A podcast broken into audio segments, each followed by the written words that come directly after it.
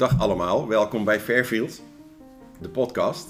Ehm, mijn naam is Bart Godding, ik ben van Fairfield. Ehm, normaal gesproken zijn jullie gewend dat ik eh, iemand ga interviewen, we gaan het nu andersom doen. Uh, dat komt omdat uh, ik zelf vrij recent een, een, stuk heb geschreven over ontwikkelprogramma's. En met name wat de succesfactoren zijn. En ja, ik, ik kan toch heel moeilijk mezelf interviewen. Dus ik heb iemand gevonden die is bereid om vandaag de host uit te hangen. Uh, en die mevrouw die zit tegenover mij en dat is Annemiek Vos. Uh, zij is uh, een bekende, als het goed is, voor jullie. Omdat zij ook een tijdje geleden door mij is geïnterviewd over het onderwerp onderstroom in organisaties en de invloed die dat heeft op, op vooruitgang en ontwikkeling van bedrijven. Dus Annemiek, ik, ik hou mijn mond. It's up to you. Nou, ik neem graag het woord over van jou, Bart. En ik vind het heel leuk om jou vandaag te mogen interviewen over de vijf succesfactoren van een uh, werkend ontwikkelprogramma. Ja. Want dat wordt het onderwerp uh, van vandaag. Uh, hè, jouw naam is Bart Godding en je bent specialist in het mm, ontwikkelen van ontwikkelprogramma's voor met name uitvoerend medewerkers en operationeel leidinggevenden. Klopt. En samen, jullie combineren expert kennis van de doelgroep uh, met werkende ontwikkelmodellen. En daar gaan we vandaag uh, meer over horen. Ja. Ik wil graag eerst even uitzoomen en dan vervolgens steeds verder inzoomen op wat dat nou inhoudt. Um, maar mijn eerste vraag is eigenlijk: wat fascineert jou zo aan ontwikkelprogramma's?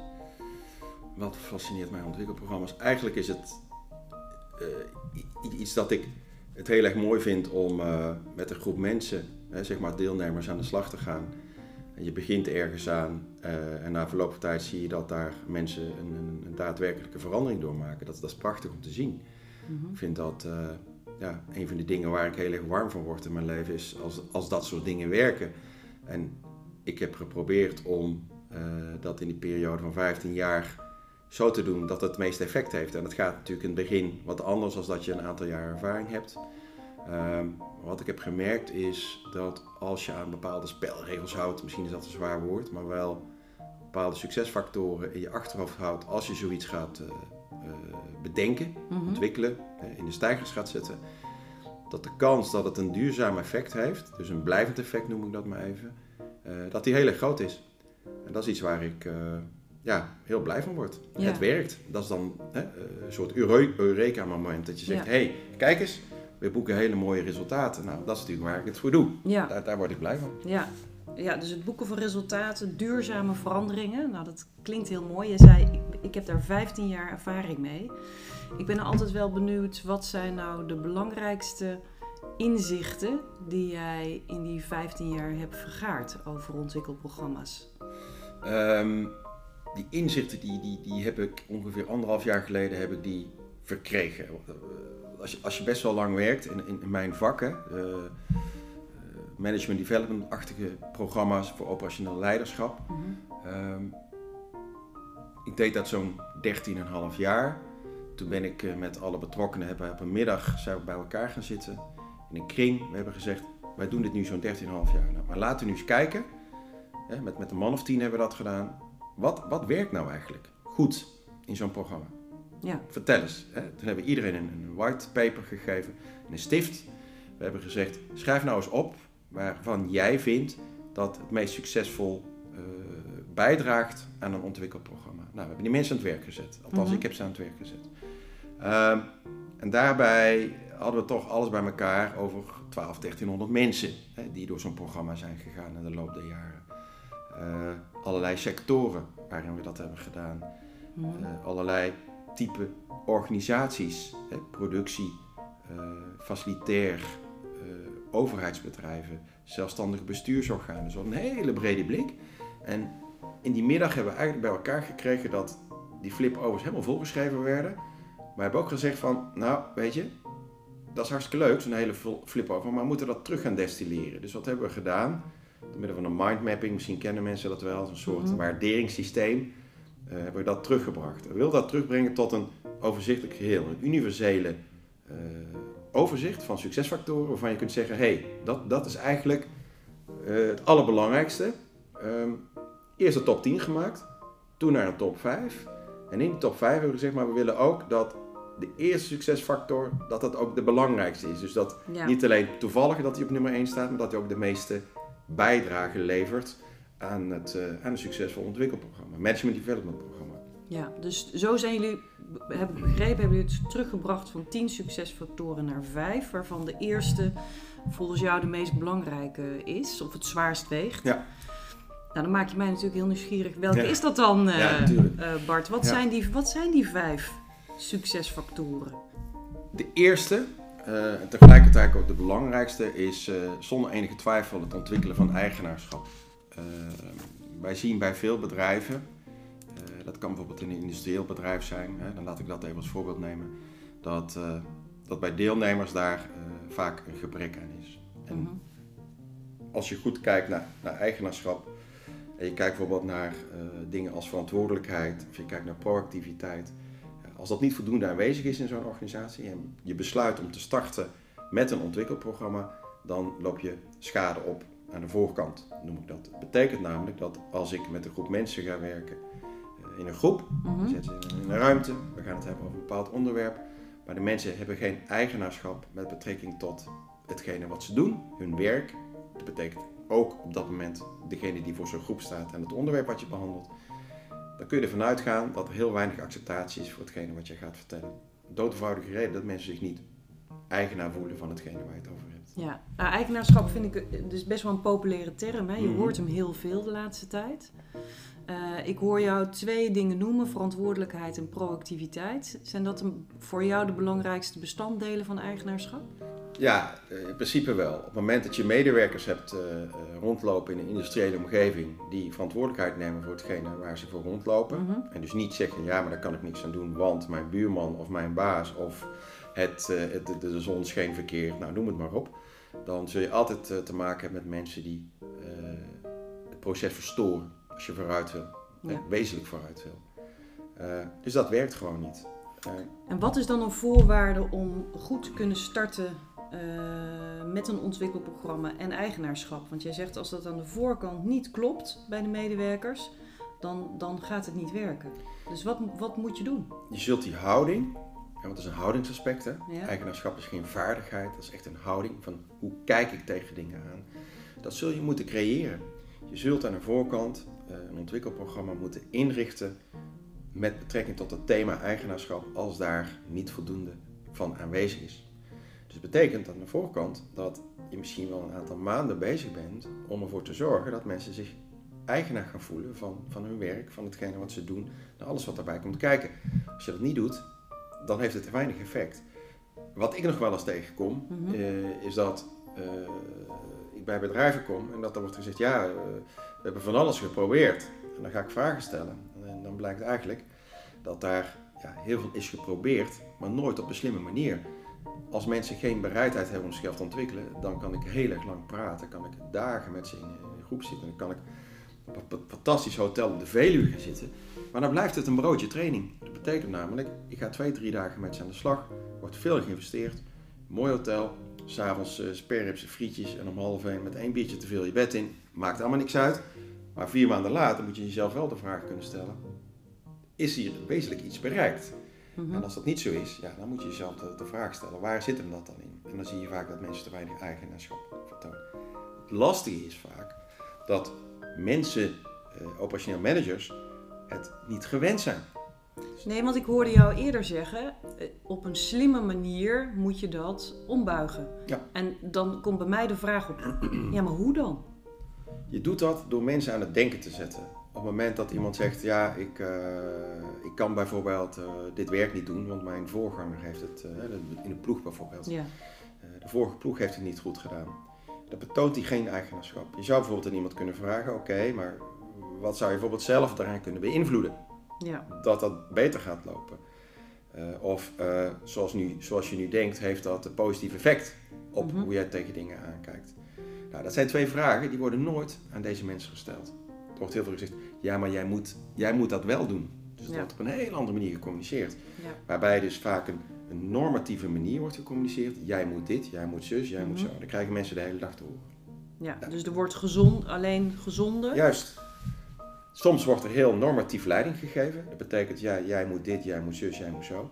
Soms worden mensen ook dom gehouden. Als je heel erg verwend bent als medewerker, Mhm. bijvoorbeeld in een familiebedrijf, hè, misschien gaan mensen wel stuiten als ik dat zeg, wordt heel goed voor ze gezorgd.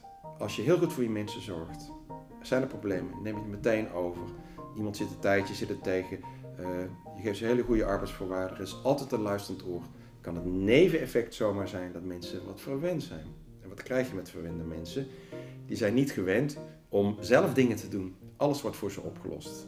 Dan creëer je eigenlijk een vorm van gebrek aan eigenaarschap. Ja. Hoe, hoe ga je nou na, want jij, jij komt in, in een reeks van bedrijven en organisaties. Mhm. Hoe ga je nou na hoe het daar gesteld is met het eigenaarschap? Eigenlijk heel eenvoudig, Annemiek. Ik ga gewoon een gesprekje voeren met mensen. Ik ga met ze aan tafel zitten Mhm. eh, en ik ga ze wat vragen stellen. Hoe kijk je hier tegenaan? Hoe kijk je daar tegenaan? Dan kun je eigenlijk redelijk snel, door goed te luisteren naar wat iemand zegt en hoe iemand iets zegt, erachter komen hoe die vlak ervoor staat. Als mensen bijvoorbeeld een klagige cultuur erop nahouden, veel Mhm. mopperen, Ja. ja, dit is niet goed geregeld en dat is niet goed geregeld en dit zit niet goed in elkaar, dan moet het gek zijn, wil mensen dan toch eigenaarschap vertonen, want dat is vaak juist helemaal niet zo. Nee. Dus als iemand in, in een organisatie zit, terwijl de zaken gewoon keurig op orde zijn, hè, qua arbeidsvoorwaarden en Ja. noem het maar op, en de CEO wordt keurig netjes nageleefd, et cetera, Mhm. toch hangt er een klaagcultuur. Ja, dan kun je ervan uitgaan dat eigenaarschap heel beperkt is, of juist helemaal niet aanwezig is. Nee. Wat is voor jou een optimale vorm van eigenaarschap? Eigenaarschap betekent eigenlijk dat mensen zelf de verantwoordelijkheid nemen, in ons geval over een ontwikkelprogramma, wat het resultaat eruit gaat eh, worden.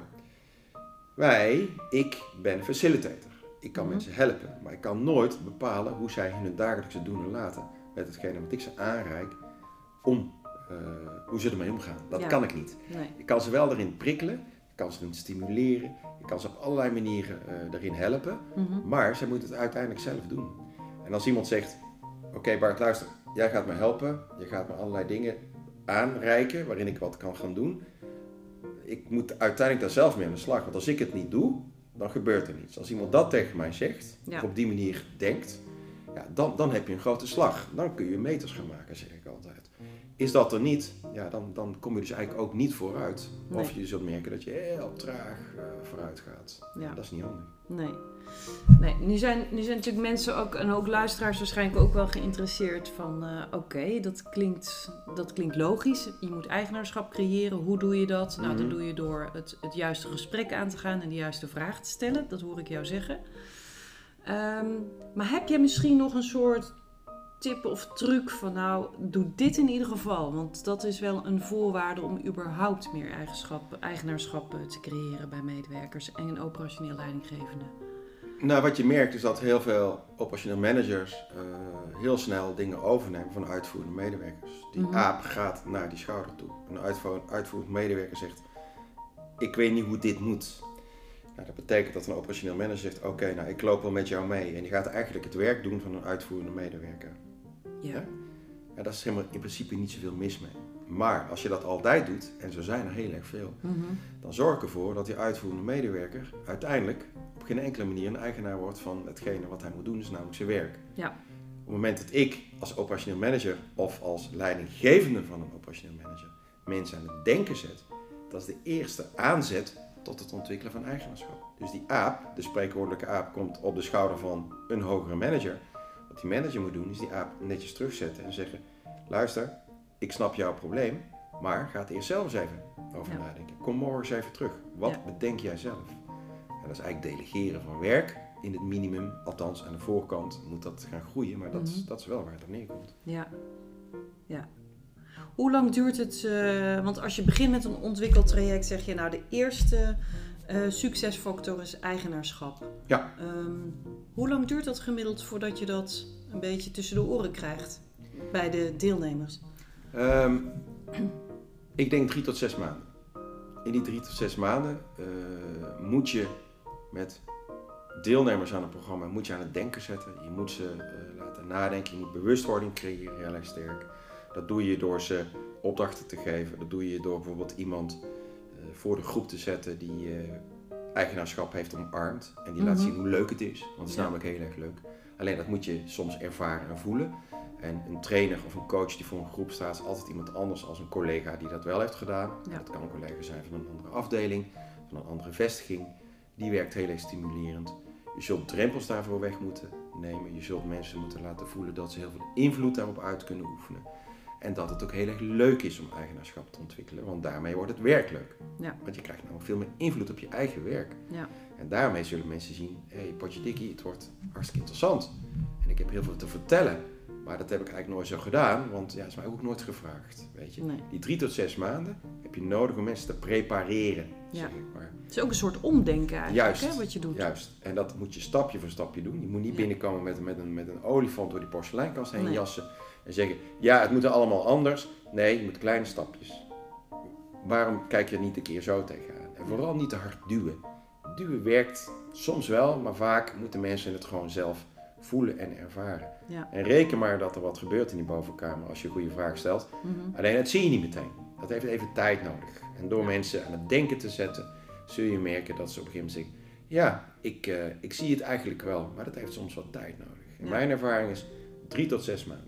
Dat is best lang, hè? Ik kan me voorstellen dat je denkt als HR-manager of als directeur van ja, alles leuk en aardig zo'n ontwikkelprogramma, maar drie tot zes maanden voordat we verdorie eh, eigenaarschap Ja. hebben en dan moet Ja. de rest nog komen. Zeker.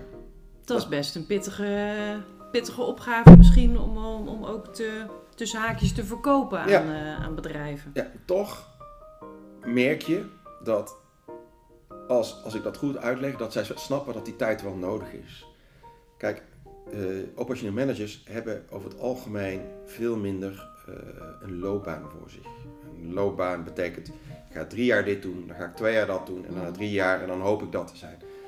De operational manager is vaak een vakman, die gaat ergens werken, want die vindt dat bedrijf mooi, vaak ook op basis van wat hij hoort, van bijvoorbeeld mensen die met hem een mbo-opleiding hebben gevolgd, zijn vaak mbo'ers. Eh, die gaan ook daar werken. Ja. En na verloop van tijd merk je dat mensen, als het gaat over skillset development, dat is een heel mooi voor vaardigheidsontwikkeling, dat is ook weer management development, hebben ze eigenlijk nooit zoveel aandacht voor gehad. Sterker nog, bijna geen aandacht. Nee. Dus op het moment dat een bedrijf besluit, we willen daarin gaan investeren, want we vinden het belangrijk, dan is natuurlijk de gedachte, kunnen we dat in drie maanden er doorheen fietsen? Helaas, dat gaat niet lukken. En dat ligt niet aan mij, maar het is gewoon het feit dat mensen tijd nodig hebben om dat te ontwikkelen. Ja. Eigenaarschap is iets wat ook haak staat op wat men iedere dag te horen krijgt.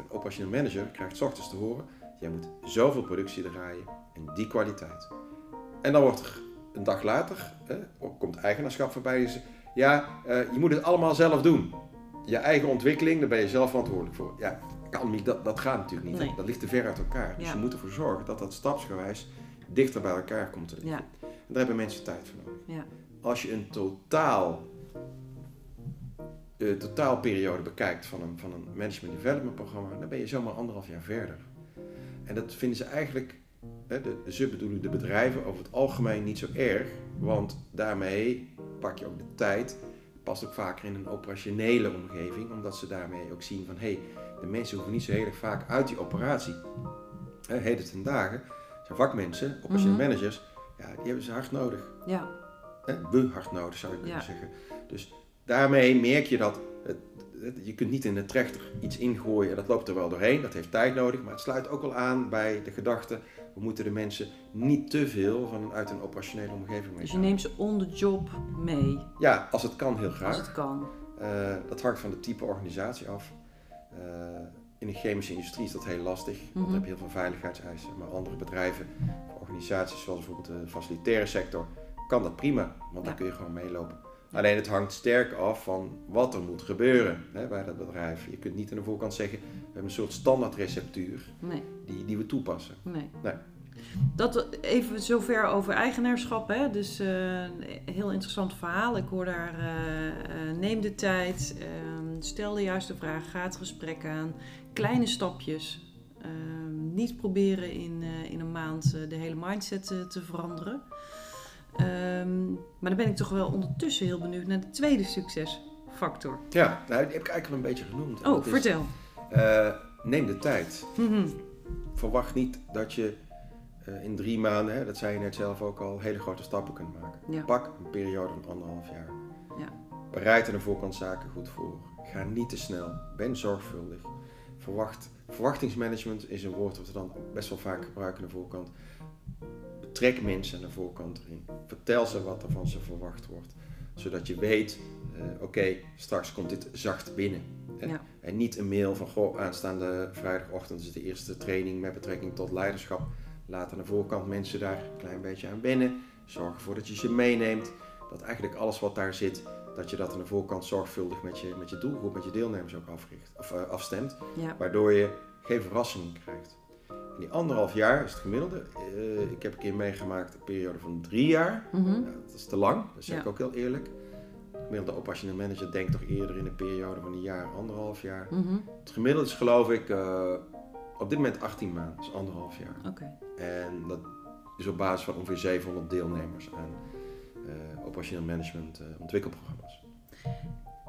En wat, want daar, hebben we, daar zijn we misschien wel een beetje voorbij gefietst. Ehm, wat wil je dan bereikt hebben? Wat, wat, wat voor opdracht krijg jij mee vanaf, vanuit het bedrijf? Van, we starten dat op, we, investeren erin met z'n allen. eh, ehm, investeren, investeren als leidinggevende, als medewerkers, als bedrijf, op allerlei niveau. Ja. Wat, wat moet er bereikt worden? Meestal zie je aan de voorkant een paar symptomen van het feit dat, dat er iets moet gebeuren. Mhm. Eh, ik noem er twee. Er zijn er meer, maar twee zijn vaak heel erg significant. Meestal zie je dat eh, het verzuim ten opzichte van wat in de sector gebruikelijk is, dat het hoger is Ja, bij bedrijven en organisaties waar wij het gesprek aan gaan. Dat is op zich heel erg logisch, want eh, verzuim is een gevolg van dat iets niet goed gaat. En vaak heeft dat te maken met sfeer, vaak heeft dat te maken- te maken met gebrek aan leiderschap, waardoor mensen zich sneller ziek gaan melden. Mhm. Wat je ook ziet dan, is dat het type verzuim niet, niet een gebroken enkel is, maar dat het vaak stressgerelateerde klachten zijn. Dus verzuim is een hele duidelijke ja. indicator dat er iets moet gebeuren. Twee is verloop. Als recruitmentafdeling, zeker in deze tijden, aan de voorkant heel veel tijd en energie besteedt en daardoor ook heel veel centjes, eh, euro's uitgeeft aan het binnentrekken van goede mensen. Ja. Dat gaat zo over nou ja, duizenden euro's. eh, en iemand besluit na een jaar zijn biezen te pakken. Dan moet je ook eigenlijk goed nadenken van hoe kan dat nou? We hebben aan de voorkant zoveel tijd en energie ingestoken. Ja. Als je merkt dat daar te groot gedeelte van weer doorstroomt naar een andere rol, eh, ja, dan moet je daar eens over nadenken. Wat, wat gebeurt daar dan op die werkvloer? Ja, dat is natuurlijk enorm zonde als je heel veel tijd steekt inderdaad in werving en selectie. En dat als iemand na een jaar vertrekt. Ik heb eh, bij een vorige werkgever wel eens gehoord, ja, je dondert eigenlijk een auto in de sloot. Ja. Dat is wat je investeert in iemand in zo'n eerste jaar. En als die na een jaar vertrekt, eh, ja, dan ben je een grote investering kwijt. En dan moet je weer van vooraf aan eh, beginnen. Jij zei al inderdaad, in deze tijd is het natuurlijk al lastig om mensen te vinden. Juist. Eh, dus zorg dat je dat ook talent blijft binden en boeien. Aan de voorkant steek je eigenlijk een temperatuurmeter in zo'n organisatie. Mhm. Je spreekt met mensen vanuit een directie. Wat zijn je ambities? Waar wil je naartoe? Ja. En wat je eigenlijk doet, is dat je die visie hè, die ze dan hebben, dat langzamerhand door gaat destilleren naar het dagelijkse doen en laten van een operationeel manager. Ja. En dan kun je dat best, hè, door daar goed naar te kijken, eh, komen tot een aantal gedragscompetenties die, die wenselijk zijn. Nou, het eerste wat je moet doen is kijken waar staan we nu? Ja. Waar staat zo'n organisatie op dat moment? Dat kun je doen door gesprekken te voeren, dat kun je doen door een aantal metingen te verrichten en te kijken, hé, waar staan we nu eigenlijk? Nou, als je dat weet, dan kun je ergens naartoe gaan werken. Dan kun je zeggen, nou, volgens mij is dit ongeveer naar hetgene waar we naartoe willen. Ja. Dus je bepaalt een nulmeting of een, eh, een Kun je een voorbeeld geven van, eh, om het wat nog meer concreet te maken, kun je een voorbeeld geven van wat eh, opdrachtgevers hebben genoemd van daar willen we naartoe, dat resultaat willen we bereiken? Veel operationeel managers komen uit de operatie zelf. Mhm. Dat zijn mensen die zijn ergens gaan werken, die zijn loyaal, ze werken hard. Ja. En op enig moment eh, merk je dat, eh, dat, dat dat niet voldoende is. Want ze krijgen een team met 10, 15 mensen. Ze merken dat het verzuim toeneemt, maar ook bij de operationeel managers. Ze besluiten van hé, hey, we willen gewoon dat die zaken op orde zijn. En dat kan omdat ze merken binnen de huidige organisatie moet het beter, maar ook eh, organisaties die hard groeien, die hebben te maken met, met, met verbetering. En Mhm. laten we eerlijk zijn, het kader, hè, dus de operational manager, dat, dat zijn de pijlers van je industriële of productiebedrijf. Als dat op orde is, dan staat het. Is dat niet op orde, dan ga je zomaar scheef hangen. Ja. Dus zij willen aan de voorkant gewoon vanuit de vraag, de signalering. Dat, dat zijn dingen die komen op enig moment op de agenda te staan in een overleg. Van hé, hey, dat gaat niet goed. Nee. Moet dat mee gebeuren? Sfeer is slecht. Productie loopt achteruit. eh, uitval is te groot. Allemaal symptomen waarvan je zegt, ja, daar, zit, daar zit gewoon iets niet goed. Nee. Nou, op basis daarvan ga je dan een plan maken. Daarbij is het natuurlijk zo dat mensen die eh, al drie, vier jaar operationeel manager zijn, wat andere leerbehoeften hebben dan iemand die, eh, die bijvoorbeeld pas een half jaar dat is, of iemand die al 15 jaar dat is. Ja. Nou, tegelijk moet je een soort bandbreedte maken. Dus je maakt een bandbreedte waarin deze drie voorbeelden die ik Mhm. je net noem, Mhm. die passen er alle drie in. Ja. Tegelijkertijd zullen ze daarin ook hetgene uithalen wat voor hun van belang is. Iemand die al 15 jaar leiding geeft, die heeft inmiddels ook wel een manier gevonden om met bepaalde dingen om te gaan. Ja. Die zal denken, ik kijk of ik wat verrijkt kan worden op mijn aanpak. Mhm. Terwijl iemand die pas een half jaar doet, die zit daar veel meer blanco in. Ja. En dan kom je eigenlijk ook op, op punt nummer drie, Ja. is dat je het zo persoonlijk mogelijk moet maken. Dus die bandbreedte, die heb je, Mhm. maar binnen die bandbreedte moet je het perso persoonlijk mogelijk maken. Dus aan de voorkant adviseer ik altijd, ga het gesprek aan met iemand van waar sta je nu, wat wil je leren. Sorry. Eh, maak een plan hoe Mhm. je jezelf tijdens dat ontwikkelprogramma gaat ontwikkelen. Ja. Dus wat je hebt is een universeel deel zou je kunnen zeggen. Ja. En daaronder maak je per deelnemer een individueel plan. Waarbij je natuurlijk gaat sturen op eigenaarschap. Dus Ja. iemand moet zelf het initiatief nemen om daaraan te gaan werken. Je kunt wel zeggen, hoe gaat het ermee? Maar je moet het niet gaan overnemen. Nee. Dus ik hoor jou eigenlijk zeggen inderdaad, je, je begint op organisatieniveau, je gaat vanuit de visie, eh, dan ga je kijken wat speelt er op organisatieniveau, welke symptomen eh, zijn er die niet lekker lopen. Je gaat in teams kijken en je zegt dan vervolgens maak het persoonlijk. Dus Ja. ook op individueel niveau. Dus het overstijgt alle niveaus. Daar moeten die ontwikkelprogramma's eh, eh, op raken, zeg maar. Zeker, ja, En de derde punt wat je noemde is maak het persoonlijk. precies. Als Wat, iemand wat zijn succesfactoren daar weer in om het persoonlijk te maken? eh, is dat je een deelnemer aan de voorkant maak je een plan. Waar zit jouw Mhm. ontwikkelbehoefte? Hoe gaan we dat voor elkaar krijgen? Ja, Gedurende het ontwikkelprogramma kom je daarop terug. ja, Dus wat je doet is dat, laten we zeggen, maand 1 begint iemand. En na een half jaar kun je zeggen, joh, we gaan eens kijken hoe het met jouw ontwikkeling gaat. Ja. Op het moment dat een deelnemer aan tafel komt en die, die kijkt naar de overkant van de tafel waar iemand zit, hè, Mhm. bijvoorbeeld eh, een trainer-coach, ja, en die zegt, ik wil graag horen hoe ik ervoor sta. Het eerste wat de trainer-coach moet zeggen, ja, maar ik ga niet over jouw ontwikkeling, dat doe jij zelf. ja, Dan kom je weer terug op punt 1, eigenaarschap. ja, En dan merk je dat als je dat gedurende zo'n programma op allerlei momenten, ook in allerlei andere sessies blijft herhalen, dat iemand eigenlijk een soort review gaat geven over zijn eigen ontwikkeling. En dan ben je aan de bal. Wat Ja. gebeurt? Iemand zegt, ja, een half jaar geleden deed ik dit nog, maar nu merk ik dat ik daar anders mee omga. Kijk, dan gebeurt er iets heel moois. Nou, dat moet je bereiken door consistent op eigenaarschap te sturen, op allerlei momenten, op allerlei manieren. En dat betekent dat iemand eigenlijk zijn eigen voortgang managt. Nou, hoe mooi is dat? Hè? Want managen betekent eigenlijk ook eigenaarschap tonen. Is dat dus ook meer inzicht in eigen gedrag? Juist, ja, absoluut. Dus je begint met inzicht, dan ga je mensen instrumenten aanreiken om zich te ontwikkelen. Ze moeten dat zelf doen, met begeleiden, prikkelen, stimuleren, helpen ze op allerlei manieren. En na een half jaar bijvoorbeeld zeg je, hoe gaat het? En wat doen jullie niet? Eh, wij nemen het niet over. Wij nemen niets over. Wij kunnen niet, dat zeg ik ook op klantniveau, Mhm. wij zijn een instrument. En ja, we zijn een heel waardevol instrument.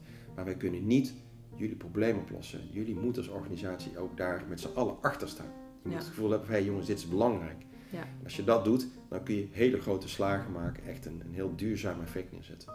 Maar wij zijn geen, wij kunnen het niet overnemen. Dat, dat, dat is eigenlijk wat ik eh, bedoel te zeggen. Ja, ja. Mooi om het inderdaad persoonlijk te maken. Inmiddels zijn we aanbeland bij punt 4, Ja, succesfactor 4. We maken het eh, het liefste vooruitgang zo inzichtelijk mogelijk.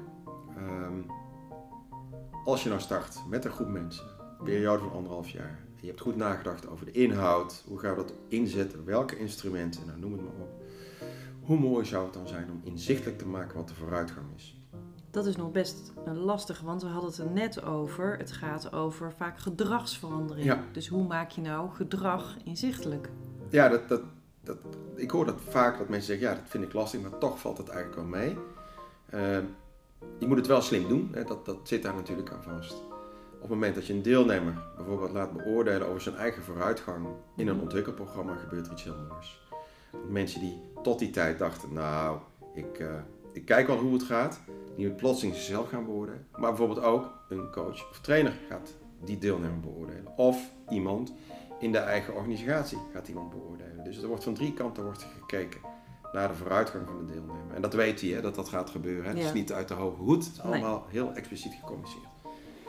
Wat er dan gebeurt, dan wordt er naar kantoor gebeld. Dan zegt iemand, ja, maar die vragenlijst die snap ik niet. En dat vind ik belachelijk, want er is nooit met mij over gesproken. Nou, dat, dat is niet zo, maar dat gebeurt dan.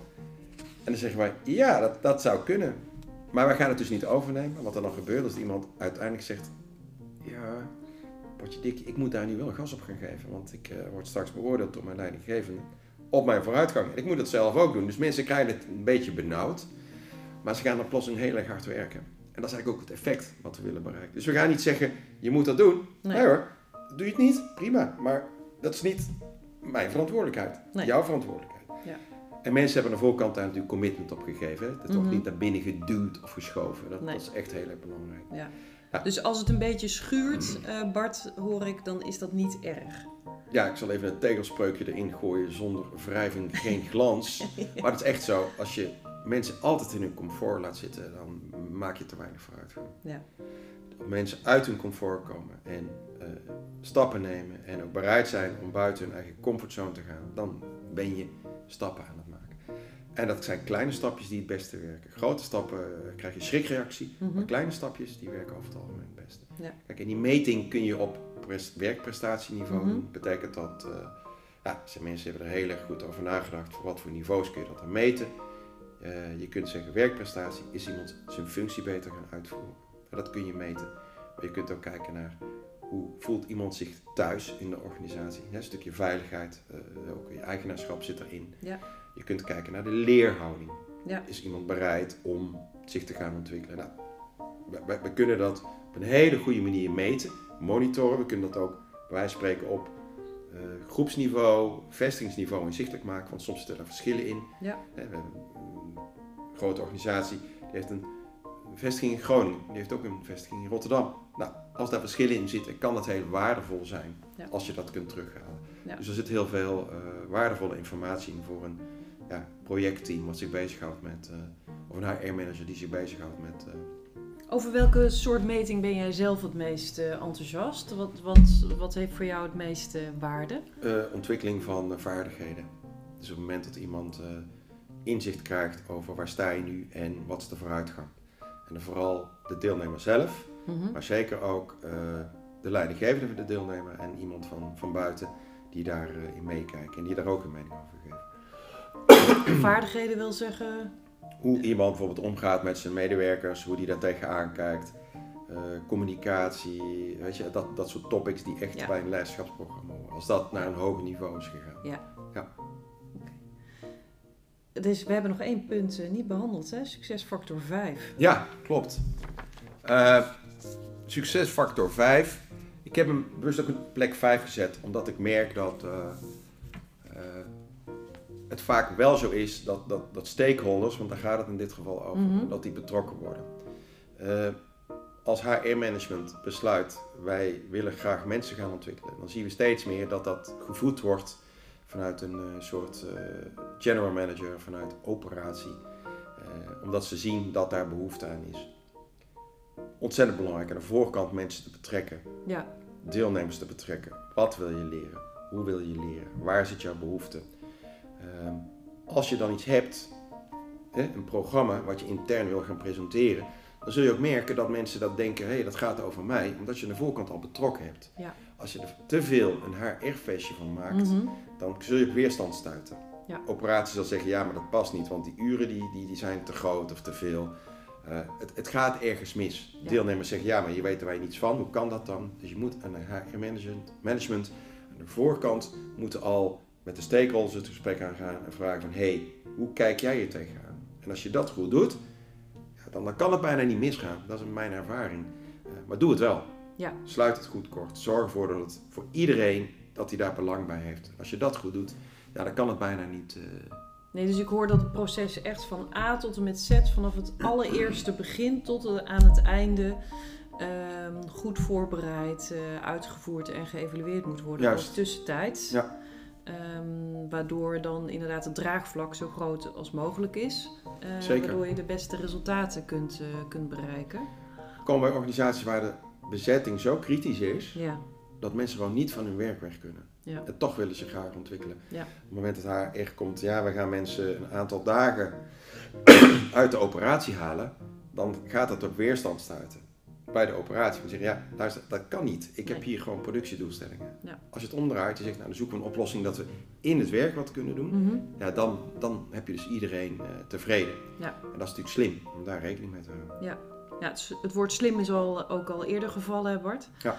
Ehm, ik denk gezien de tijd dat het goed is om gewoon zoetjes aan af te ronden Ja, en, ja. En, en samen te vatten. We hebben gesproken over de vijf eh, succesfactoren van een eh, werkend eh, ontwikkelprogramma. Heel interessant. Eh, eigenaarschap, de tijd nemen, persoonlijk maken, vooruitgang zoveel mogelijk inzichtelijk maken en iedereen betrekken vanaf het begin tot het einde. Eigenlijk zijn we volgens mij nog niet uitgepraat.